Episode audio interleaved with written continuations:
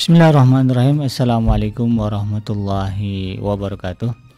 Alhamdulillahirrabbilalamin Allahumma salli ala Sayyidina Muhammad wa ala ali Sayyidina Muhammad. Kembali berjumpa di udara di gelombang 104 time iDream Radio Successful Muslim Family dalam program Ngaji From Home di mana kita akan sama-sama menghadiri atau mendengarkan menyimak kajian rutin di jam 16 waktu Indonesia bagian barat hingga pukul 17.15 waktu Indonesia bagian barat. Dan seperti biasa di program ngaji from home kita akan mendengarkan kajian dari para guru kita. Dan insya Allah untuk uh, petang hari ini kita akan sama-sama mendengarkan kajian dari guru kita yaitu Al Ustadz Abdullah Haidir LC dan Alhamdulillah beliau uh, sudah hadir ya di tengah-tengah kita. Dan tema yang akan dibahas pada kesempatan petang hari ini adalah hukum dan keutamaan sholat rawatib dan sholat duha. Ini merupakan bagian dari rangkaian pembahasan tentang fikih sholat. Ya. Baik, kita akan langsung mendengarkan kajian dari guru kita yang akan membahas uh, tema tentang hukum dan keutamaan sholat rawatib dan juga sholat duha. Kepada Al Ustaz Abdullah Hadir LC, uh, saya persilakan. Tabadul Ustaz. ينفعنا وانفعنا بما علمتنا اللهم زدنا علما نافعا والحقنا بعبادك الصالحين Sahabat Edrim di mana saja berada, semoga kita selalu berada dalam berada dalam limpahan ridho, karunia, keberkahan dan perlindungan Allah Subhanahu wa taala. Alhamdulillah, selamat berjumpa kembali dalam program kita Ngaji From Home. Uh, kita akan melanjutkan uh, kajian fikih ya, fikih ibadah masih tentang atau berkaitan dengan uh, fikih salat ya. Kemarin kita sudah membahas tentang uh, fadilah ya keutamaan uh, sholat-sholat sunnah secara umum maka kita akan mencoba membahas beberapa sholat-sholat sunnah yang diajarkan dalam uh, dalam Islam ya. Pada pembahasan kali ini kita akan membahas tentang dua sholat sunnah ya. Yang pertama adalah sholat rawatib dan kedua adalah sholat duha ya. Sholat yang insya Allah sudah juga kita praktekkan, kita laksanakan uh, dan sangat kita kenal insya Allah sejak uh, sejak kecil. Baik, uh, kita mulai dari pembahasan tentang sholat rawatib ya. ya. Sholat rawatib dari kata rawatib ya itu merupakan bentuk jamak dari rawatib atau rotibah ya ini agak kurang penulisannya ya yang benar rotibah ya, ya apa namanya uh, asal katanya rotaba artinya sesuatu yang tetap ya, terus menerus ya tegak berdiri begitu ya. E, kalau orang Arab itu mengatakan rotib itu gajian karena gajian itu terus setiap bulan dia rutin namanya rotib begitu ya. Nah e, sholat rawatib ya, dikatakan sholat rawatib karena memang dia terus terus menerus ya dan seseorang melakukannya untuk mengiringi ya sholat fardu. Jadi memang sholat rawatib ini adalah sholat sunnah yang mengiringi sholat fardu, baik sebelum dan sesudahnya. Ya tentu ada beberapa ketentuan. Ya di tengah masyarakat ya, sholat rawatib ini memang lebih akrab disebut dengan istilah sholat qobliyah dan ba'diyah. Dan hukum sholat rawatib ini sunnah muakkadah. Ya, meskipun memang uh, kadang dibagi sholat rawatib ini ada yang muakkadah, ada yang ghairu muakkadah. Ada sholat rawatib sunnah ya, sangat ditekankan, muakkadah artinya sangat ditekankan. Begitu. E, ada yang ghairu muakkadah, tidak terlalu ditekankan. Ya, tapi tetap disunnahkan. Ya, biasanya disebut dengan istilah mustahab. Akan tapi e, biasanya juga atau kadang juga sholat rawatib eh, digunakan dengan istilah sebagai sholat sunnah muakkadah. Ya, artinya kalau dibilang sholat rawatib berarti sholat-sholat eh, qobliyah atau ba'diyah yang eh, ditekankan atau yang sangat ditekan, sangat ditekankan. Umumnya dia merupakan ibadah sunnah. Ya. Baik, keutamaan sholat rawatib ya, nanti akan kita juga sebutkan ya dalam beberapa apa namanya uh, hadis dalam pembahasan ya Ya, di antaranya adalah bahwa man sallat natai asyrata rakaatan fi yaumin wa lailatin bunya lahu bihinna baitun fil jannah. Ini saya lupa sertakan perawinya ya. Uh, siapa yang sholat 12 rakaat pada setiap uh, hari dan setiap malam begitu ya bunyalahu bihinna baitun fil jannah maka akan dibangunkan baginya rumah di surga ya, dibangunkan rumah di surga ya, orang yang sholat rawatib itu ya, di antara fadilahnya adalah akan dibuatkan rumah di surga bayangkan ya kita membangun atau memiliki rumah di dunia saja rasanya sudah sedemikian bahagianya apalagi kalau kita memiliki rumah di surga. Ternyata itu dapat kita bangun dari sekarang dengan apa?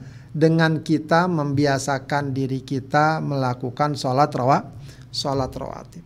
Dalam hadis lain Rasulullah mengatakan rok'ata al-fajri khairun minad dunya wa ma fiha. Dua rakaat sholat fajar, dua rakaat fajar ini maksudnya sholat sunnah fajar atau lebih spesifik lagi sholat qobliyah subuh ya itu khairun minad dunya wa ma fiha. Lebih baik daripada dunia dan segala isi dan segala isinya. Ya, jadi uh, seseorang mungkin saja memiliki kekayaan di dunia ini tapi tidak mungkin dia punya kekayaan seluruh dunia dengan segala isinya. Hal itu dapat diraih oleh siapa? Oleh orang yang sholat qobliyah subuh dua rakaat atau dua rakaat sunnah fa, sunnah fajar. Ya. Dalam hadis riwayat lain Rasulullah mengatakan man arba'an qabla dhuhri wa arba'an ba'daha harramallahu lahmahu 'alan nar. Siapa yang sholat empat rakaat sebelum duhur, empat rakaat sesudahnya Allah akan haramkan dagingnya dari dari neraka. Itu keutamaan-keutamaan sholat rawatib dan masih banyak lagi hadis-hadis lain yang menunjukkan tentang fadilah dan keutamaan sholat sholat rawatib. Baik, uh, berapakah jumlah sholat rawatib? Yeah uh, ada yang mengatakan 10 rakaat ya dan ini uh, dikatakan uh, diambil atau pendapat ini uh, dimiliki oleh madhab syafi'i dan madhab hambali. Ya mereka uh, berdalil dengan hadis riwayat Bukhari dan Muslim. Ya di mana seorang sahabat mengatakan hafidtu minan nabiyyi sallallahu alaihi wasallam asyra rakaatin. Ya Aku hafal dari Rasulullah SAW uh, 10 rakaat. Ya, maksudnya Rasulullah mengajarkan dia tentang satu sunnah, satu ibadah sunnah yang tentu saja sangat berharga untuk dilakukan. Yaitu ada 10 rakaat. Apa saja? Rakaataini qabla dhuhri dua rakaat sebelum zuhur. Wa ini ba'daha. Dua rakaat sesudahnya. Wa ini ba'dal maghribi fi baitihi. Dua rakaat sudah maghrib di rumahnya. Wa ini ba'dal isya'i fi baitihi dua rakaat setelah isya di rumahnya wa ini qabla sholatis subhi. Dua rakaat sebelum sholat subuh. Berarti semuanya berapa? 10 rakaat. Ya ini menurut pandangan yang pertama yaitu sholat rawatib ada 10 rakaat ya dua rakaat sebelum zuhur dua rakaat sesudahnya kemudian dua rakaat sudah maghrib dua rakaat sudah isya dan dua rakaat sebelum su sebelum subuh ada lagi pendapat yang lain bahwa sholat rawatib itu ada 12 rakaat dalam hadis riwayat Bukhari riwayat Tirmidzi Rasulullah mengatakan man shalla fi yaumin wa lailatin siapa yang sholat dalam satu hari satu malam Fintai asyrota rok'atan. Dua belas rokaat. Bunyalahu baitun fil jannah. Akan dibangunkan untuknya surga, eh, rumah di surga. Ini yang tadi kita sebutkan fadilahnya. Siapa yang sholat dua belas rokaat, Allah akan bangunkan baginya rumah di surga. Bayangkan kita uh, barangkali kalau sekarang di dunia ini ada kapling-kapling yang uh, strategis begitu ya. Mungkin uh, kita beli rumah di perkampungan sudah senang. Ini ada yang punya kafling katakanlah di perumahan mewah, kawasan elit yang sangat mahal harganya. Biasanya orangnya tentu akan merasa memiliki kekayaan yang besar. Ya. Namun orang yang beriman, kalau dia benar beriman kepada Allah, dia bukan lagi sekedar punya kapling di tempat yang strategis, dia punya kapling bahkan sudah dibangunkan ya, rumah baginya di mana? Di surga. Bagi siapa? Bagi orang yang melaksanakan 12 rakaat rawatib. Apa 12 rakaat tersebut? Arba'an qabla zuhur, 4 rakaat sebelum zuhur, wa ini ba'daha, 2 rakaat sudahnya, wa ini ba'dal maghrib, 2 rakaat sudah maghrib, wa ini ba'dal isya, 2 rakaat sudah isya, wa ini qabla salatil fajr. 2 rakaat sebelum salat fajar atau salat subuh. Ya, jadi uh, 12 rakaat ini yang ditambah berarti hanya qobliyah zuhur saja, selebihnya sama. Kalau yang 10 rakaat tadi Qobliyah zuhurnya dua rakaat, yang 12 rakaat ini Qobliyah zuhurnya empat empat rakaat. Empat rakaat maksudnya adalah dua rakaat salam, dua rakaat salam. Ya, itu pendapat yang kuat. Ya, jumhur ulama mengatakan demikian. Meskipun memang ada yang berpendapat empat rakaat sekali salam. Tapi yang benar adalah atau yang lebih dekat kepada kebenaran adalah uh, dua rakaat salam, dua rakaat salam. Jadi itu 10 atau 12 rokaat rawatib. Ya, kedua hadisnya sahih ya. Memang kalau dilihat hadis yang pertama riwayat Bukhari dan Muslim ya yang tidak diragukan lagi kesahihannya. Ya, kalaupun ingin dikompromikan kedua riwayat ini, ya di antara para ulama mengatakan ya terkait dengan qobliyah zuhur kalau seandainya waktunya luang, dirinya sedang semangat, ya bagus kalau dia sholat qobliyahnya empat rakaat empat rakaat. Tapi kalau mungkin waktunya sempit atau kondisinya sedang tidak fit atau tidak semangat, ya cukup dia sholat dua rakaat sebelum sebelum zuhur. Baik. Uh, terkait dengan sholat rawatib empat rakaat sudah zuhur, bagaimana kedudukannya? Ya, dua rakaatnya masuk tadi sunnah muakkadah Adapun dua rakaat berikutnya ghairu muakkadah. Ya, memang ada riwayat tentang bahwa sholat zuhur ba'diyah itu empat rakaat dalam hadis riwayat Tirmidzi dan Nasai Rasulullah bersabda man shalla arba'an qabla dhuhri wa arba'an ba'daha lam tamassahun nar Siapa yang sholat empat rakaat sebelum duhur, empat rakaat sudahnya, maka dia tidak disentuh api neraka. Dalam hadis riwayat Tirmidzi Rasulullah mengatakan, "Man hafadhu ala arba'i rakaatin qabla dhuhri wa arba'in ba'da harramahullahu ala nar." Siapa yang menjaga empat rakaat sebelum duhur dan empat rakaat sudahnya, maka Allah akan haramkan neraka atasnya. Ya. Ini uh, menurut para ulama, ya yang dua rakaat pertama itu masuk pada sholat rawatib muakkadah, dua rakaat berikutnya dikatakan ghairu muakkadah, tapi tidak tetap disunnahkan. Berpahala kalau seandainya kita misalnya melakukan sholat ba'diyahnya empat rakaat. Kebetulan uh, kondisi lagi fit, semangat lagi ada, waktu tersedia. Uh, dia ingin sholat qobliyah duhurnya empat rakaat, lalu sholat duhur, sholat ba'diyahnya juga empat rakaat. Nah, itu sesuatu yang bagus, sesuatu yang yang bagus. Ya. Oh ternyata agak lemah ya berarti sholat qobliyah duhur empat rakaat, badiahnya dua rakaat. Oh ternyata agak lemah sholat duhurnya e, dua rakaat, qobliyahnya dua rakaat, dua rakaat. Baik, terkait dengan sholat empat rakaat sebelum asar bagaimana kedudukannya? Ya, memang ada riwayat tentang hal tersebut. Rasulullah mengatakan rahimallahu mra'an shalla qoblal asri arba'an Semoga Allah merahmati seseorang yang sholat sebelum asar itu empat rakaat. Hadis riwayat Abu Daud dan Tirmidzi.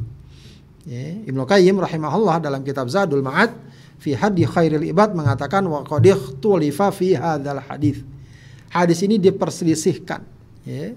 Fasahhahu Ibnu Hibban, Ibnu Hibban menyatakan saya wa allalahu ghairu dan yang lainnya menyatakan ada uh, cacat pada riwayatnya. Ya. Akan tapi wallahu alam banyak atau umumnya para ulama hadis menghukumi hadis ini adalah hadis yang sahih atau hasan. Setidaknya dia hadis yang diterima. Ya, karenanya uh, salat sunnah atau rawatib empat rakaat sebelum asar minimal dia di disunnahkan. Ya, apakah dia masuk ghairu muakkadah atau kamu akadah? Nah, itu kemudian para ulama berbeda pendapat. Kalau yang muakkadah umumnya para ulama sudah mengaitkan dengan perkara sebelumnya antara 12 dan 10 rakaat tadi. Ya, berarti memang uh, sholat qobliyah asar ini ya, umumnya dikatakan oleh para ulama sebagai sholat rawatib ghairu muakkadah. Tidak terlalu ditekankan. Ya, perhatikan, Tidak terlalu ditekankan bukan berarti tidak disunahkan. Bukan berarti tidak disunah, disunahkan. Dia tetap disunahkan, namun penekanannya tidak seperti yang yang lainnya. Begitu ya. Kemudian bagaimana sholat qobliyah ya maghrib dan isya? Apakah disunahkan? Para ulama mengatakan disunahkan. Ya, tapi tidak dengan ya, dalil yang spesifik. Ya, dia disunahkan berdasarkan keumuman sunnahnya sholat antara azan dan iqomah. Ya, jadi tidak ada sebagaimana tadi ya disebutkan secara spesifik uh, dua rakaat sebelum zuhur, dua rakaat sebelum subuh, dua rakaat sudah maksud zuhur, dua rakaat sudah isya, sudah maghrib itu kan spesifik. Bagaimana dengan dua rakaat sebelum maghrib, dua rakaat sebelum isya? Tidak ada dalil yang spesifik menunjukkan uh, perintah dan anjurannya. Akan tetapi para ulama mengambil keumuman dalil. Ya, dalam hadis riwayat Bukhari dan Muslim Rasulullah Sallallahu Alaihi Wasallam mengatakan baina kulli adana ini solatun baina kulli adana ini solatun. Ya. Pada setiap dua azan terdapat solat, pada setiap dua azan terdapat solat. Thumma qala fi kemudian pada yang ketiganya beliau mengatakan liman sya'a bagi yang menghendakinya. Apa maksudnya baina kulli adana ini solatun? Ya. Azana ini di sini dua azan maksudnya lah azan dan iqamah. Ya. Azan dan iqamah. Maka makna baina kulli adana ini di antara dua azan atau di antara azan dan iqamah itu terdapat sholat. Ya, terdapat sholat. Ya, maka uh, seluruh sholat fardu ya, sebelumnya itu ada sunnah sholatnya. Ada sunnah sholatnya. Cuma ada yang muakkadah yang tadi disebut sebagai sholat rawatib antara 12 dan 10 rakaat tadi, ada yang ghairu muakkadah. Yang ghairu muakkadah ini adalah qobliyah maghrib dan qobliyah isya. Ya. Ya, karena memang uh, sekali lagi dikatakan ghairu muakkadah karena dia tidak disebutkan secara spesifik ya hadisnya. Ya, kemudian dikatakan apa namanya uh, sunnah karena memang secara umum ada perintah, ada anjuran untuk sholat ya, antara azan dan iqomah sebelum sholat fardu. Termasuk berarti sholat qobliyah asar dan sholat qobliyah mag maghrib. Eh, maaf, sholat qobliyah isya dan sholat qobliyah mag maghrib. Baik, uh, ada lagi sholat rawatib yang memiliki kedudukan khusus. Ya. Apa? Sholat rawatib qobliyah subuh. Ya, salat rawatib qobliyah subuh ini ya dia masuk salat rawatib yang 12 rakaat tadi atau yang dua yang 10 rakaat tadi ya, tapi memang salat qobliyah subuh ini uh, memiliki kedudukan tersendiri, kedudukan istimewa. Ya, ini juga semestinya mengajak kita dan menuntut kita untuk ya uh, fokus konsen berupaya sedapat mungkin untuk dapat melakukannya. Ya, karena ini solat yang kata Aisyah radhiyallahu anha, lam yakunin nabiyyu sallallahu alaihi wasallam ala syai'in minan nawafil ashadda ta'ahudan minhu ala raq'atayil fajri. Ya. Kata Aisyah, tidak ada satu ibadah nawafil atau ibadah sunnah yang sangat Rasulullah perhatikan. Selain apa? Selain sholat dua rakaat fajar atau dua rakaat sunnah fajar. Ya, memang disebutkan di sini kalau dalam hadis disebut rokata atau rokatai al fajar. Jadi sholat qobliyah subuh dua rakaat sebelum subuh itu adalah sholat yang kata Aisyah Rasulullah paling sangat mementingkannya. Ya. Mestinya ini pun menjadi kepentingan dan perhatian kita bersama sebagai umat Rasulullah Shallallahu Alaihi Wasallam yang mengaku cinta, yang mengaku menjadi pengikut setia Rasulullah Shallallahu Alaihi Wasallam. Baik, kemudian uh, dalam hadis riwayat yang lain riwayat Muslim Rasulullah mengatakan ata al fajri khairun minad dunya wa ma fiha. Salat dua rakaat sebelum fajar atau salat sunnah fajar itu lebih baik dari dunia dan segala isinya. Ya, dalam hadis riwayat Muslim, Rasulullah mengatakan lahu ma ahabbu ilayya minad dunya jami'an. Ya. Keduanya kata Rasulullah ahabbu ilayya. Ya, kedua rakaat tersebut maksudnya lebih aku cintai dari dunia semuanya. Dari dunia semua, dari dunia semuanya. Ya. Dalam riwayat yang lain juga disebutkan bahwa sholat rawatib ini ya, kalau Rasulullah sedang safar ditinggalkan, tidak sholat rawatib karena Rasulullah jamak dan kosor. Tapi ada sholat rawatib yang tidak Rasulullah tinggalkan baik saat menetap atau ketika safar. Apa? Sholat sunnah fajar atau sholat qobliyah su qobliyah subuh. Begitu ya. Maka uh, sahabat adim yang dimuliakan Allah Subhanahu wa taala, kita ingatkan diri kita, kita motivasi terus diri kita agar di setiap pagi ya di waktu-waktu uh, terbitnya fajar kita jangan ketinggalan. Bukan sekedar jangan ketinggalan sholat subuh. Ya sebagian orang ada yang prinsipnya minimal nggak ketinggalan nggak ketinggalan sholat subuh. Begitu ya. Tapi bagi orang beriman bagi orang yang ingin mendapatkan derajat yang lebih baik bagi dia bukan hanya sekedar tidak ketinggalan sholat subuh tapi juga bagaimana dia bisa sempat untuk dapat melakukan sholat qobliyah subuh maka bagus juga memang dan ini juga sebenarnya ajaran dari sunnah ya Eh, kalau sholat subuh itu jangan buru-buru. Ya maksud jangan buru-buru, jangan sampai sehabis azan tak lama kemudian iqamah.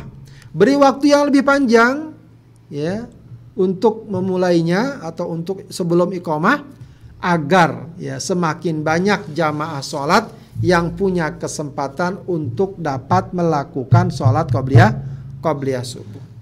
Ya. Baik, ada satu masalah lagi dalam sholat rawatib ini. Adakah enggak? Atau adakah kodok dari sholat rawatib? Apakah sholat rawatib bisa dikodok? Mayoritas ulama berpendapat tidak ada kodok pada sholat rawatib kecuali qobliyah subuh.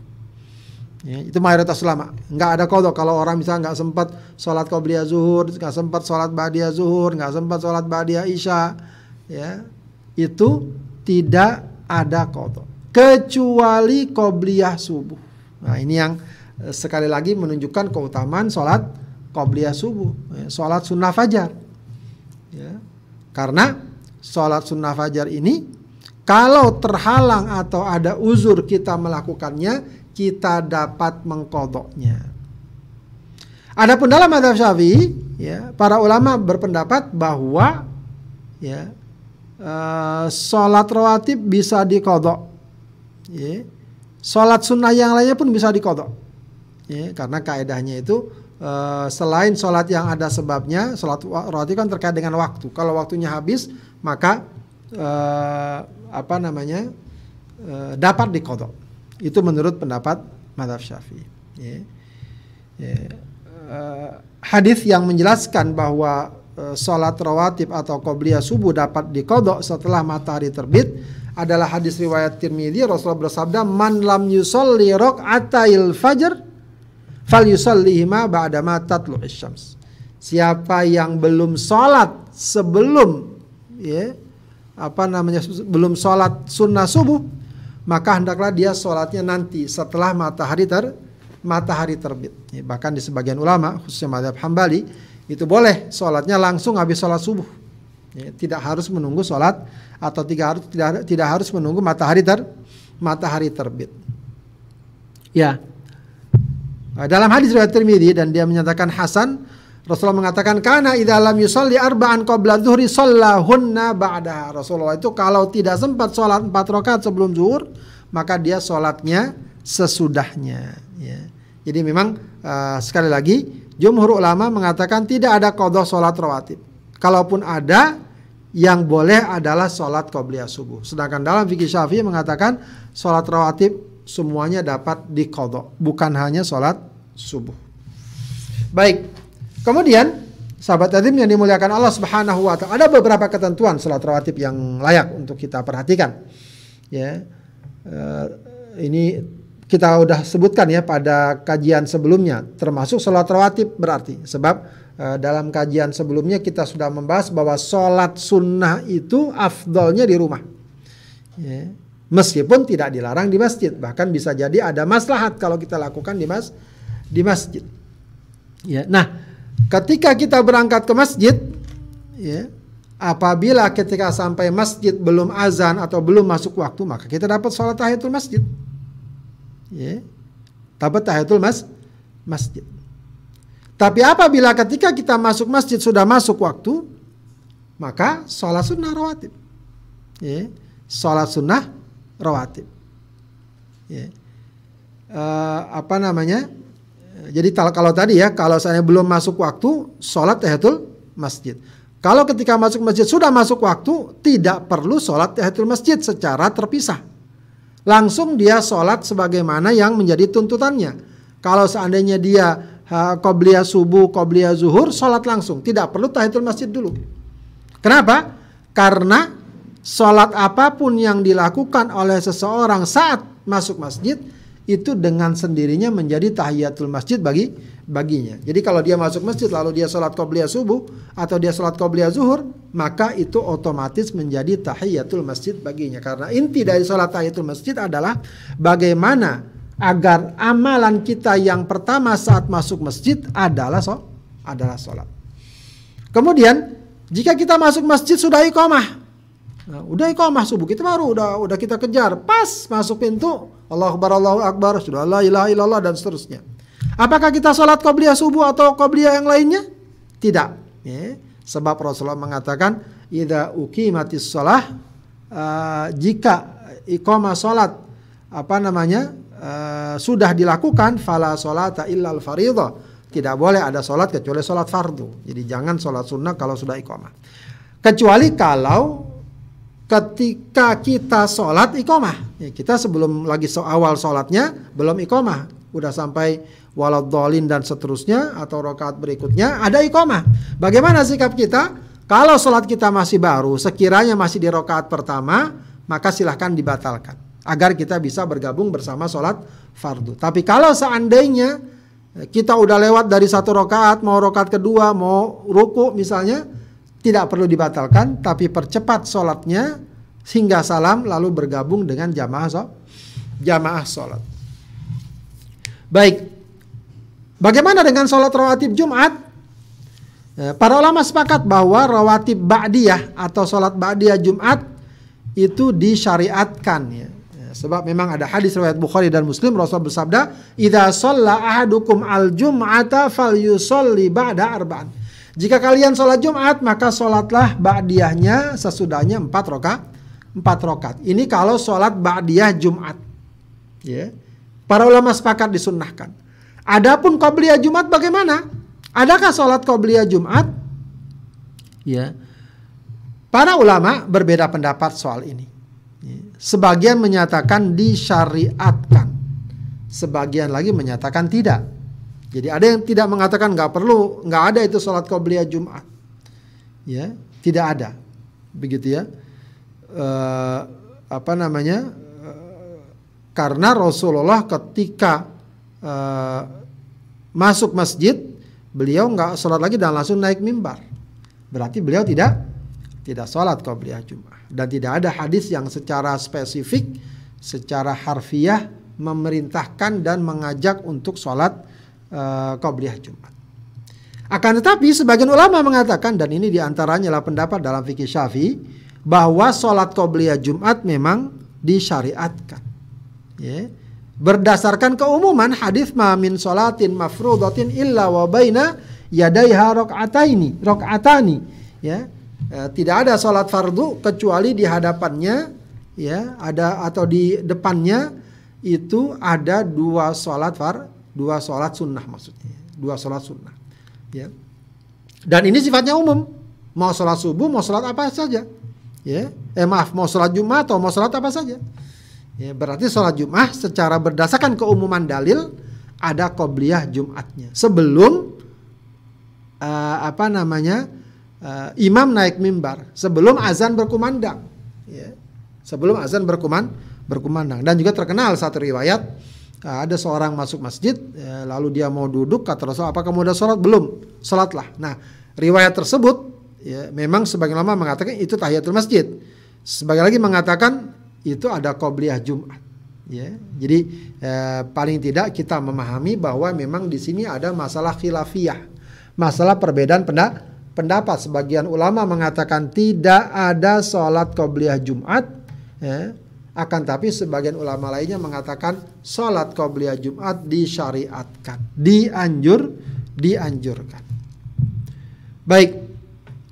Uh, itu sholat sholat rawatib ya. Sholat rawatib. Bagaimana dengan sholat duha? Eh, bagaimana dengan sholat sholat duha? Ya, ya sesuai namanya. Ya, sholat duha ini sholat yang terkait terkait dengan satu waktu, ya, yaitu waktu duha. Ini waktu yang uh, mulia sebenarnya waktu duha ini. Ya, makanya Allah Subhanahu Wa Taala bersumpah di antaranya dengan waktu duha, wad duha wal laili ida saja. Baik, waktu duha itu apa saja atau dari mana sampai mana? Atau sejak kapan hingga kapan? Ya, para ulama mengatakan bahwa waktu duha itu dimulai dari sejak matahari meninggi sepenggalan setelah terbitnya. Jadi matahari terbit, itu belum masuk waktu duha. Ternyata terbit terus sampai tinggi seukuran sepenggalan. Para ulama ada yang mengatakan jarak 10 menit, 15 menit ya, dari waktu terbitnya matahari. Nah itu waktu duha. Awal dari waktu duha. Ya. Kemudian akhirnya sampai mana? Akhirnya itu uh, ketika posisi matahari ya belum berada di uh, hingga menjelang ya boleh kita katakan hingga menjelang matahari berada persis di atas kita ya. ya kalau seandainya uh, seseorang mendapati waktunya di antara tadi ya setelah matahari terbit hingga menjelang ter apa namanya berada di atas kita itu dikatakan sekitar 10 menit juga ya 10-15 menit sebelum waktu zuhur ya, jadi bukan persis uh, semenit dua menit sebelum waktu zuhur habis sholat sholat duha tidak justru sekitar 10-15 menit sebelum masuk waktu zuhur uh, itu habis waktu tuh waktu duha jadi waktu duha ini cukup panjang cukup pan cukup panjang kemudian uh, adapun kedudukannya, hukumnya sama seperti sholat rawatib. Sholat duha ini juga dikategorikan sebagai sholat sunnah muakkadah. Sunnah yang sangat ditekankan karena memang hadis-hadis yang memerintahkannya banyak ya, dan juga Rasulullah SAW dan para sahabat melakukan melakukannya. E, berapa rakaat sholat duha? Ya, para ulama sepakat bahwa sholat duha itu minimal dua rakaat. Adapun masalah maksimalnya ada perbedaan pendapat. Ada yang mengatakan sholat duha 8 rakaat, ada yang mengatakan 12 rakaat. Tapi ada yang tidak membatasi, nggak ada batasannya. Dia mau sholat duha sebanyak-banyaknya tidak mengapa. Ya, dalam hadis riwayat Muslim yang terkait dengan persendian yang harus dinikahkan, ya itu dikatakan uh, di bagian uh, akhirnya Rasul mengatakan wa yujzi'u min dzalika raka'atani yarka'uhuma minad duha. Semua itu dapat diganti dengan dua rakaat duha. Ya, maka dari sini kemudian para ulama menyimpulkan sholat duha itu sunnahnya minimal dua rakaat. Kalau maksimalnya berapa? Nah ini berbeda pendapat lagi. Sebagian ulama mengatakan 8 rakaat. Sebagian mengatakan 12 rakaat. 12 rakaat. Kemudian ada juga mengatakan tidak dibatasi. Ya terserah dia. Karena memang tidak ada nas yang jelas, yang tegas dan sohehnya bagus. ya Yang menjelaskan bahwa ya, jumlah sholat uh, sholat duha atau rokaat sholat duha itu sekian dan sekian. Tidak, ya. Eh, Allah Subhanahu wa taala membuka hal ini agar kita juga bisa mengkaji dan mempelajari mempelajarinya. Ya. Jadi minimal dua rakaat kita lakukan duha itu sudah cukup. Kalau kita tambah empat rakaat, enam rakaat, delapan rakaat, ya, ya sebagian ulama ada yang memang mengatakan sunnahnya delapan rakaat. Baik, sholat duha ini ada nama lainnya juga. Jadi kadang-kadang sholat duha ini disebut dengan nama lain. Boleh jadi kadang-kadang orang tidak hafal atau tidak uh, tidak tahu. Ya. Yang pertama, sholat duha itu juga dikenal dengan sholat isyraq. Ya. Maksudnya apa? Sholat yang dilakukan awal duha itu disebut sholat isyraq. Ya, jadi mungkin kita sering dengar hadis ya, siapa yang sholat subuh berjamaah, kemudian dia berzikir hingga matahari terbit, kemudian dia apa namanya sholat dua rakaat maka baginya pahala haji dan dan umroh tamatan tamatan. Nah ini yang kemudian dikatakan sholat isyrok. Ya, seseorang sholat subuh lalu berzikir sampai matahari terbit. Ya, jadi kalau ide barat sekarang ini, kalaulah subuh kita mungkin setengah lima, maka waktu terbit matahari itu kemungkinan misalnya setengah enam, misalnya atau jam uh, enam. Ya. Nah uh, hal tersebut ya dari waktu duha yang kita lakukan ya setelah tadi ya, setelah dia uh, apa sholat dua uh, berzikir ya, siapa yang sholat subuh uh, berjamaah lalu berzikir hingga matahari terbit, kemudian sholat dua rakaat maka baginya seperti pahala haji dan umroh sempurna, sempurna, sempurna. Nah, sholat dua rakaat setelah matahari terbit ini itu disebut sholat isyraq ya para ulama menyebutnya sebagai sholat uh, sholat isyraq. Ya, al mubarak furi yang menjelaskan kitab uh, apa namanya Sunan Tirmidzi ya kitabnya Tuhfatul Ahwadi dia mengatakan thumma shalla ini itu maksudnya ai ba'da tulu'i syamsi setelah matahari terbit. Ya ai thumma shalla ba'da an tartafi asy-syamsu qadra rumhin Maksudnya bukan pas matahari terbit, tapi matahari sudah terbit e, seukuran sepenggalan, ya, e, tombak, seukuran tombak, yaitu diperkirakan 10-15 menit setelah matahari ter matahari terbit, ya, hingga keluarlah waktu yang dilarang. Solat ini dinamakan solat isyrok dan dia katakan wahia awalu solatid duha. Ya, ini merupakan awal dari solat duha. Jadi uh, ya terserah kita mau katakan itu sholat isyrok, kita niatnya sholat isyrok, kita niatnya sholat duha sama saja. Ya, karena memang yang penting substansinya substansinya sama. Jadi nama lain dari sholat duha itu adalah sholat isyrok yang pertama. Nama lain juga dari sholat duha adalah sholat awabin, sholatul awabin. Ya, dalam satu riwayat Rasul mengatakan uh, apa namanya sholat duha adalah sholatul awabin.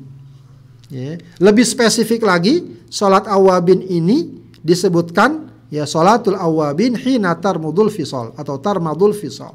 Ya salat awabin itu adalah ketika ya, anak onta itu kepanasan. Artinya maksudnya ketika sinar matahari sudah sangat menyengat. Ya, jadi ada yang mengatakan ini waktu antara pertengahan pertengahan waktu duha. Ya, jadi kalau terlalu pagi kan masih sejuk. Ya, kalau siang ya udah sangat terik. Nah, antara itu ya kalau sekarang mungkin ukuran jam 8, jam 9 begitu ya. Ya.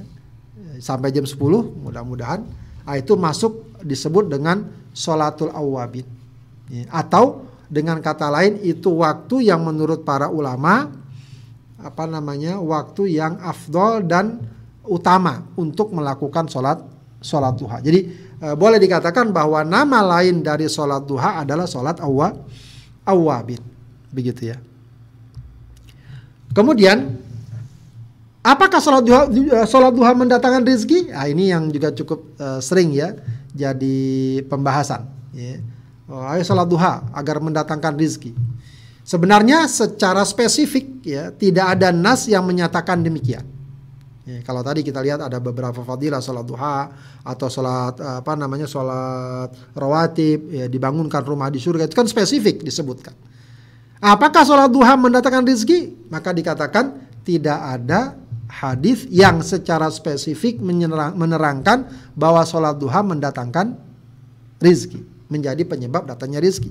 Akan tapi ada beberapa nas yang dapat dipahami dan disimpulkan demikian. Ya, jadi memang ya tidak terlalu disalahkan juga kalau ada yang mengatakan demikian. Ya, misalnya dalam hadis riwayat Tirmidzi ya, dikatakan ibna Adam ya, hadis kudsi Wahai anak Adam irka'li min awalin nahar. Uh, rukuklah untukku ya salat maksudnya dari sejak awal nahar awal siang. Ya ini dipahami oleh sebagian ulama sebagai salat duha. Arba'a raka'atin, empat rakaat. Akfika akhirahu. Maka aku akan berikan kecukupan uh, akhirnya. Ya, nama anak kecukupan ini di antara maknanya dipenuhi segala hajat dan kebutuhan dan kebutuhannya.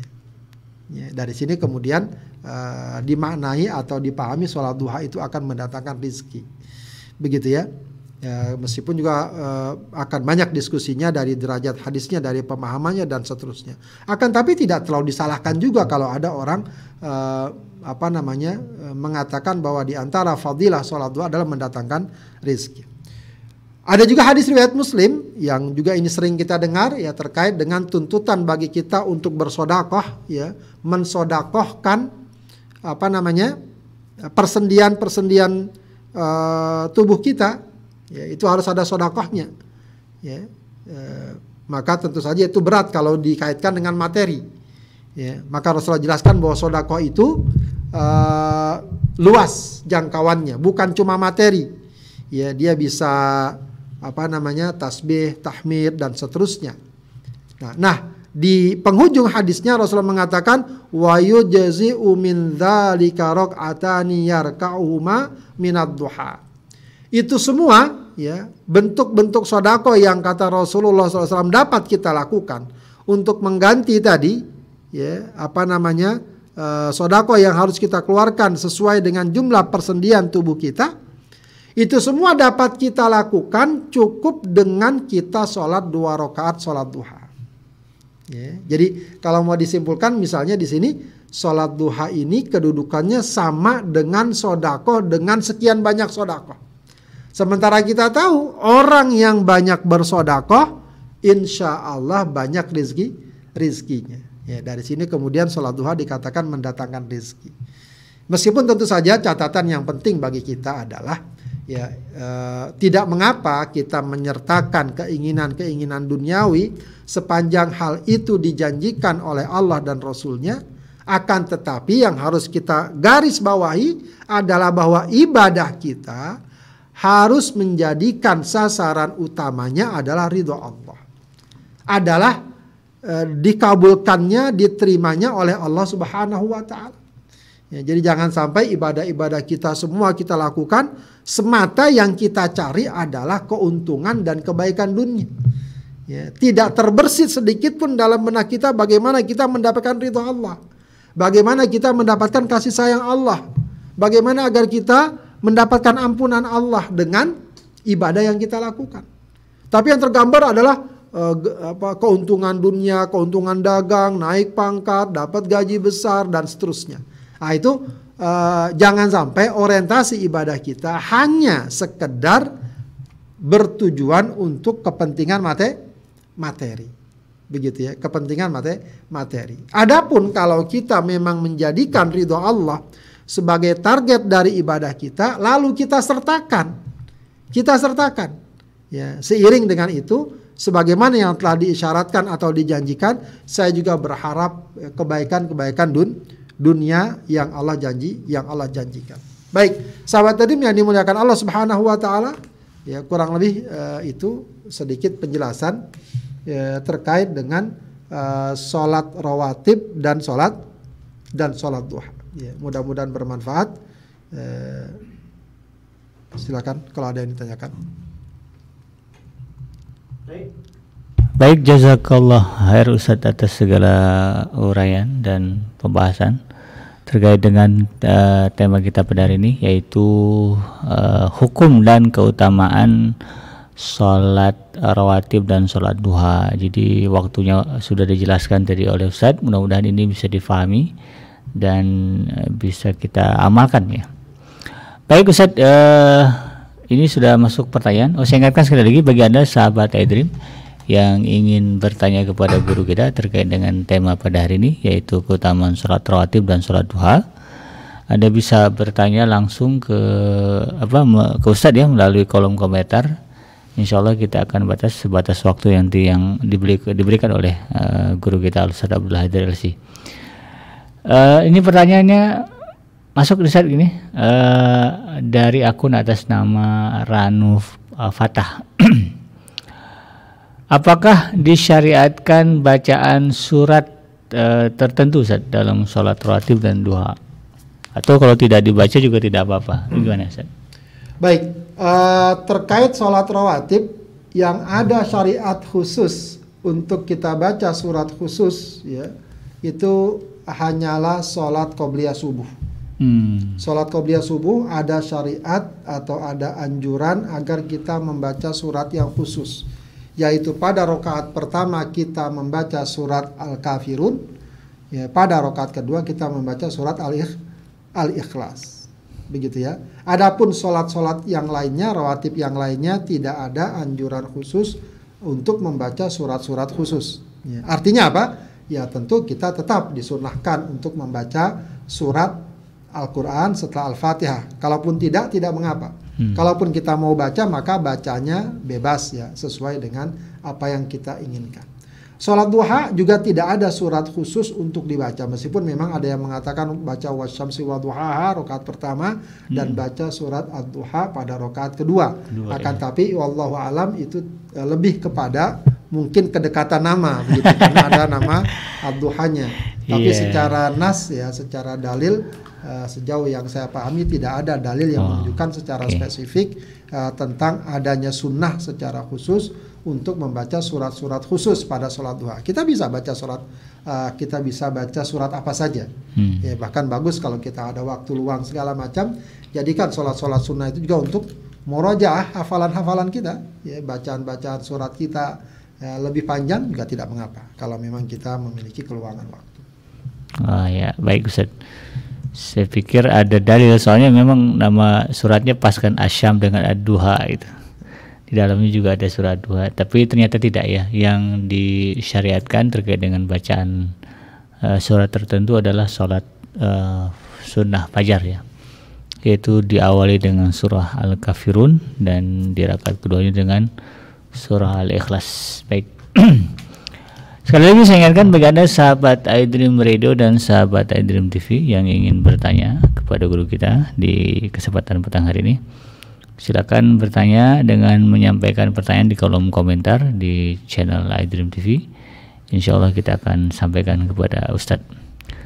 Sambil menunggu uh, pertanyaan lain Ustadz, saya mau bertanya kalau misalnya kita sholat uh, berjamaah di masjid terus ketinggalan sholat qobliyahnya nih yang tadi disyariatkan boleh diganti dengan ba'diyahnya dilebihkan nggak Ustadz? Baik, itu terkait dengan sholat uh, apa namanya sholat rawatib, ya. Hmm. Baik, uh, sholat rawatib kembali kepada pandangan tadi ya, pandangan bahwa secara umum ya atau mayoritas para ulama tidak mengatakan tidak disyariatkan mengkodok sholat rawatib. Yeah. Ya, kecuali memang dalam fikih syafi'i para ulama membolehkan mengatakan mengkodok sholat rawatib walaupun bukan qobliyah subuh. Ya, kalau jumhur ulama yang disunnahkan mengkodok e, rawatib itu hanya qobliyah qobliyah subuh bisa kita kodok setelah matahari terbit. Begitu ya. Tapi kalau sholat yang lainnya e, mayoritas para ulama mengatakan tidak dikodok. Meskipun ada sebagian ulama mengatakan e, boleh kita kodok. Ya berarti kalau kita kodok ya kita kodok sesudah sesudah zuhur, misalnya kalau kita sebelum zuhurnya kita lupa lakukan atau nggak hmm. sempat melakukan, maka kita bisa tambah tadi sholat rawatib ba'diyahnya, lalu kita tambah lagi dengan sholat uh, kodok qobliyah zu, qobliyah zuhur dua rakaat. Hmm, Oke. Okay. Gitu. Jadi tidak usah kemudian merasa uh, uh, kurang. Aduh ketinggalan sholat qobliyahnya nih, oh diganti di ba'diyah tuh tidak ada ketentuan ya dari para ulama. Baik. Lanjut Ustaz, e, pertanyaan berikutnya dari akun atas nama Ibu Ria Novria. Untuk sholat rawatib, apakah boleh satu rakaat? Nah, terus apabila dikerjakan sesudah isya, apakah boleh dilakukan e, sesudah rawatib isya? Wah, gimana Ustaz? Sholat rawatib sholat witir ya? Oh, Terus, mungkin witir, witir pertanyaan Ustaz. Iya. Uh, betul betul. Jadi kalau sholat mungkin ya uh, witir yang dimaksud apakah boleh satu rakaat dan apakah boleh dikerjakan sesudah sholat isya? Ya. Rawatib isya. Sholat witir boleh dilakukan satu rakaat dan boleh dilakukan setelah rawatib isya. Oh. boleh. Jadi memang katakanlah kita ya mungkin kita bukan orang yang gampang bangun malam gitu ya. Ha. atau kalau kita tunda mau menjelang tidur kemudian kita takut ketiduran ya sudah nggak apa-apa kalau memang kita merasa mudah merasa ringan ketimbang kita tunggu nanti kita lakukan sebelum tidur ternyata ketiduran kita pengen lakukan nanti di akhir malam ternyata bablas begitu ya bangun subuh. Ya kalau gitu sudahlah saya mah levelnya yang gampang. Ya sholat isya, hmm. lalu dia berzikir, lalu dia sholat ba'diyah isya dua rakaat, dia bangun lagi sholat witir satu rakaat sudah dapat dia insya Allah hmm. fadilah dan keutamaan sholat wi witir. Sholat witir. Ya. Itu nggak mengapa satu rakaat. Ya, mungkin mudah-mudahan nanti lambat laun uh, bisa dia tingkatkan tiga rakaat atau dia lakukan nanti menjelang tidur dan semacamnya. Kalau untuk uh, ketentuan sholat witir itu apakah mesti didahului sholat tahajud? Tidak mesti, hmm. tidak mesti, ya, tidak mesti. Jadi Meskipun habis... kalau seandainya dia belum witir lalu sholat tahajud ya sholat tahajud dulu jangan sholat witir dulu. Oh. Paham nggak? Iya, iya iya. Misalnya dia sekarang uh, ya mungkin dia tahu nggak tahu nanti sholat atau tidak yang nah, jelas saya pengen witir, witir saja ha. sudah ya ya sudah nanti kalau bangun tinggal sholat tahajud ya nggak perlu witir lagi witir lagi gitu. tapi kalau seandainya misalnya dia belum witir ha. kemudian nanti dia ingin sholat tahajud ha. ya maka jangan sholat witir dulu sholat tahajud dulu tahajud dulu baru, baru witir, witir. Nah, kalau begitu memang posisinya tahajud dulu baru witir. tapi kalau misalnya dia belum tidur segala macam atau dia bangun tidur hmm. ya uh, sebelum subuh yeah. ya uh, daripada dia nggak sempat waktu ya udah sih sholat witir aja nggak apa-apa oh. padahal kan dia belum tahajud jadi nggak yeah. harus uh, setelah sholat tahajud kecuali okay. kalau dia niat sholat tahajud dan dia belum witir maka dia tahajud dulu baru baru witir hmm, baik untuk uh, urutan rokaatnya kalau misalnya tiga mesti dua dulu atau boleh langsung tiga Ustaz? itu bisa dua-duanya Oh bisa dua-duanya bisa, bisa, dua, bisa dua plus satu dua, atau langsung iya, tiga. Dua versi. Ada yang seperti sholat maghrib dengan catatan satu tasyahud saja, ha. jadi nyambung terus. Tiga, ya. Cuma nggak ada tasyahud awal. Yeah. Ada yang uh, dua rakaat salam lalu bangun satu rakaat salam. Baik, baik, baik. Kemudian ini tadi ada pertanyaan nih Ustaz dari akun atas nama Erika Damayanti. Ya, ini terkait dengan uh, sholat sunnah fajar Ustaz. Jadi uh, kalau perempuan kan sholat di rumah. Ya. Terus misalnya patokannya apa? Kalau misalnya di masjid sudah kedengaran komat, yang di rumah masih boleh nggak sholat ya. fajar, sunnah fajar? Uh, patokan sholat rawatib, eh, patokannya adalah masuk waktu. Masuk wak waktu. Masuk waktu. Ya. Apakah terdengar azan atau tidak terdengar terdengar, terdengar azan? Ya, masuk waktu berarti dia sudah boleh boleh mulai sholat. Meskipun wallahu alam kalau terdengar azan bagusnya dia dengarkan dulu ya dia dia apa namanya untuk dapat mendapatkan fadilah misalnya uh, fadilah mengulangi ucapan muazin. Yeah.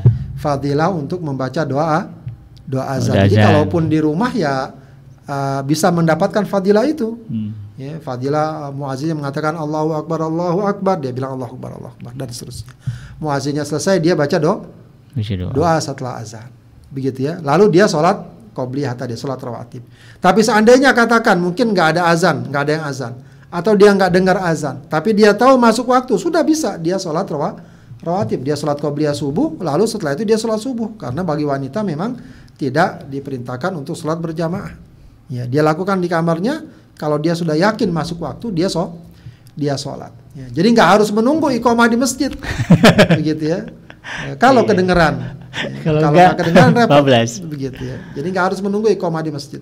Jadi kaum wanita yang di rumah bisa ngatur sendiri. Ya, bisa ngatur sendiri. Yang penting uh, sudah masuk waktu. Jangan sholat rawatib belum masuk waktu. Belum masuk waktu. Baik, baik. Jadi ini uh, clear Ibu ya yang masalah sholat uh, sunnah fajar patokannya yang penting masuk waktu. Jadi bukan nunggu masalah azan atau komat ya asal waktu sudah masuk walaupun tidak ada yang azan ya boleh. Ya kita melaksanakan sholat sunnah fajar dan juga sholat-sholat yang lainnya. Uh, dan demikian juga, uh, juga dari untuk akun atas nama Ibu uh, Ria sudah diluruskan Ustadz betul Ustadz katanya sholat witir maksudnya bukan sholat uh, rawatib. Uh, terkait dengan nawafil tadi Ustadz uh, apakah uh, maksudnya betul yang uh, keyakinan kita bahwa sholat surat yang kita kerjakan sebelum sholat fardu ini akan menjadi penambal sholat itu. Misalnya kalau kita sholat zuhur, kalau kekurangan sholat zuhur ditambah dengan rawatibnya nanti di, di yaumul kiamah. Ya. Itu gimana sih? Ya sudah kita bahas kemarin kan bahwa nah. sholat rawatib secara khusus dan juga tentu sholat-sholat sunnah secara umum hmm. itu di antara fungsi dan gunanya sebagaimana yang disebutkan dalam hadis ya yang sudah kita bahas kemarin hmm. ya bahwa itu akan menambal memperbaiki ya uh, apa mengisi kekurangan-kekurangan uh, yang dilakukan oleh seseorang dalam sholat fardunya. Baik, ya. baik. Maka uh, ini menunjukkan ya uh, betapa uh, perkara ini sangat besar nilainya dan manfaatnya bagi kita. Jadi mudah-mudahan uh, menjalankan sholat uh, rawatib ini menjadi amalan kita sehingga menambah baik kualitas ibadah sholat kita. Baik Ustadz, uh, sepertinya tidak ada lagi pertanyaan dari jemaah uh, dan waktu sudah menunjukkan pukul 17 lewat 9 menit. Sebelum diakhiri kita dengarkan dulu closing statement dari Ustadz. Silakan Ustadz. Baik, sahabat Adrim yang dimuliakan Allah Subhanahu wa taala, alhamdulillah uh, kita sudah uh, mengisi waktu-waktu uh, kita untuk tolabul ilm. Mudah-mudahan uh, apa yang kita bahas dalam uh, kajian kali ini memberikan pemahaman yang lebih baik bagi kita terkait khususnya sholat rawatib dan sholat duha dan tentu saja sebagaimana yang sering saya katakan uh, bukan sekedar kita paham dan kita tahu tapi bagaimana ini semua mendorong kita untuk semakin giat semangat melaksanakan ibadah baik yang fardu juga termasuk perkara-perkara yang sunnah. Sampai di saja, mudah-mudahan bermanfaat. Mohon maaf. Assalamualaikum warahmatullahi wabarakatuh. Waalaikumsalam warahmatullahi wabarakatuh. Demikian sahabat Adrim yang dirahmati Allah di mana pun anda berada, tuntas sudah kebersamaan kita dalam program mengaji from home, di mana kita sudah mendengarkan uh, kajian dari guru kita yang membahas tentang hukum dan keutamaan sholat rawatib dan sholat duha yang disampaikan oleh Al Ustadz Abdullah Haidir LC. Mudah-mudahan apa yang beliau sampaikan bisa kita pahami dan bisa kita aplikasikan dalam kehidupan kita sehari-hari. Saya Abi Kenji beserta kru yang bertugas pamit undur dari ruang dengar Anda. Mohon maaf atas segala kehilafan dan kekurangan. Subhanaka Allahumma rabbana wa bihamdika asyhadu an la ilaha illa anta astaghfiruka wa atubu ilaik. Walhamdulillahi rabbil alamin. Wassalamualaikum warahmatullahi wabarakatuh.